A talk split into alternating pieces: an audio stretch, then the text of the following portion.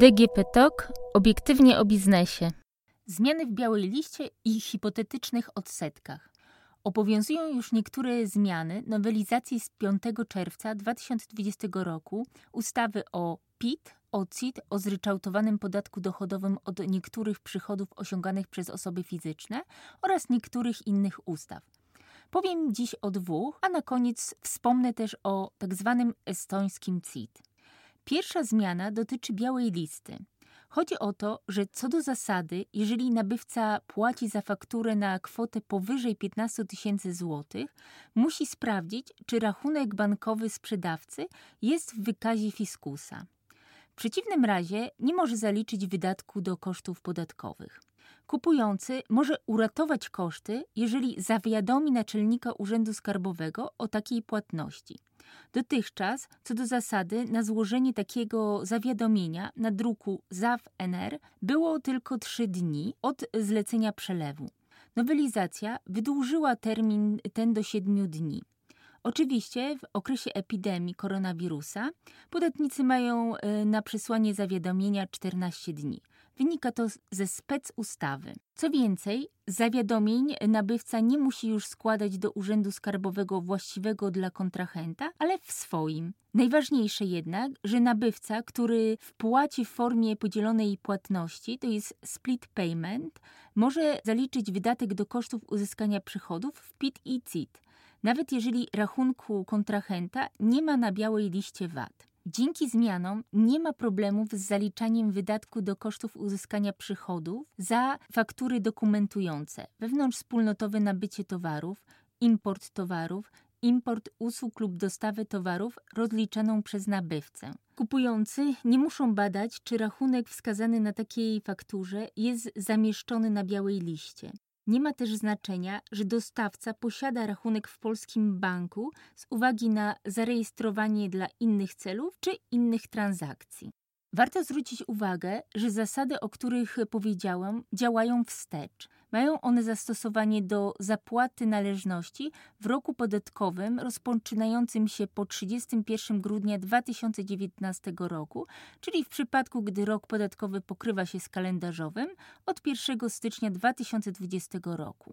Druga zmiana, o której chcę powiedzieć, dotyczy podatników CIT. Chodzi o siódmą klauzulę przeciwko unikaniu opodatkowania.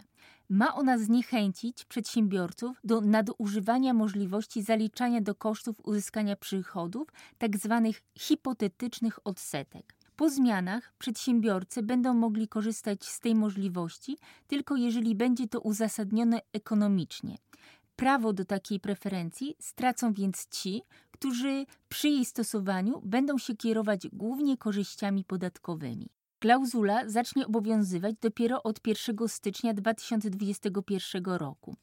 W 2020 roku można więc jeszcze skorzystać z preferencji dotychczasowym kształcie. Przypomnę, że przepisy ustawy o CIT umożliwiające odliczanie hipotetycznych odsetek obowiązują od 1 stycznia 2019 roku, ale spółki mogą z niej skorzystać po raz pierwszy w 2020 roku. Zgodnie z przepisami przejściowymi stosuje się ją bowiem po raz pierwszy do roku podatkowego rozpoczynającego się po 31 grudnia 2019 roku. Na czym polega ulga?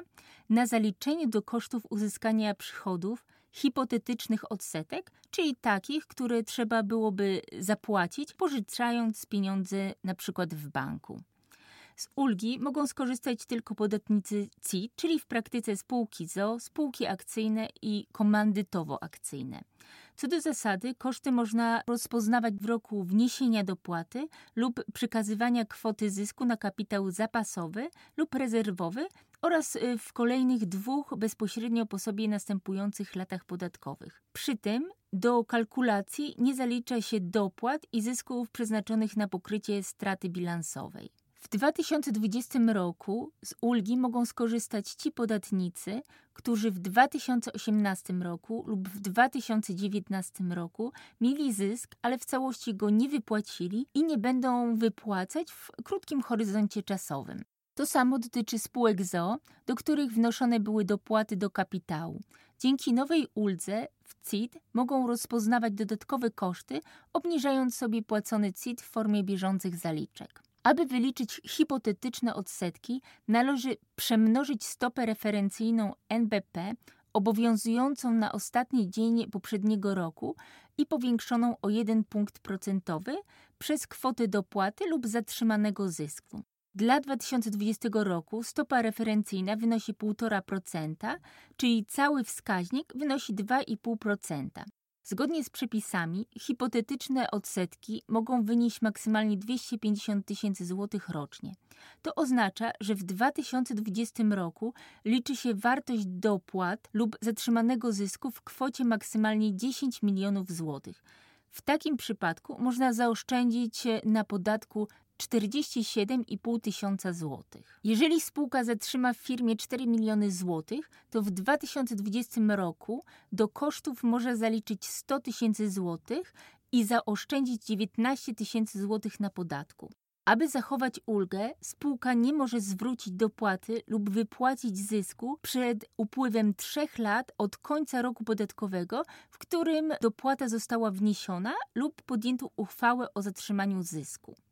Nie może też przyjść restrukturyzacji, na przykład przekształcić się w spółkę nie mającą osobowości prawnej. Od 2021 roku nie będzie już tak łatwo skorzystać z tej ulgi. Zgodnie z przedstawionymi przez premiera Morawieckiego założeniami, ma jednak zacząć obowiązywać inne rozwiązanie promujące zatrzymywanie zysków w firmie.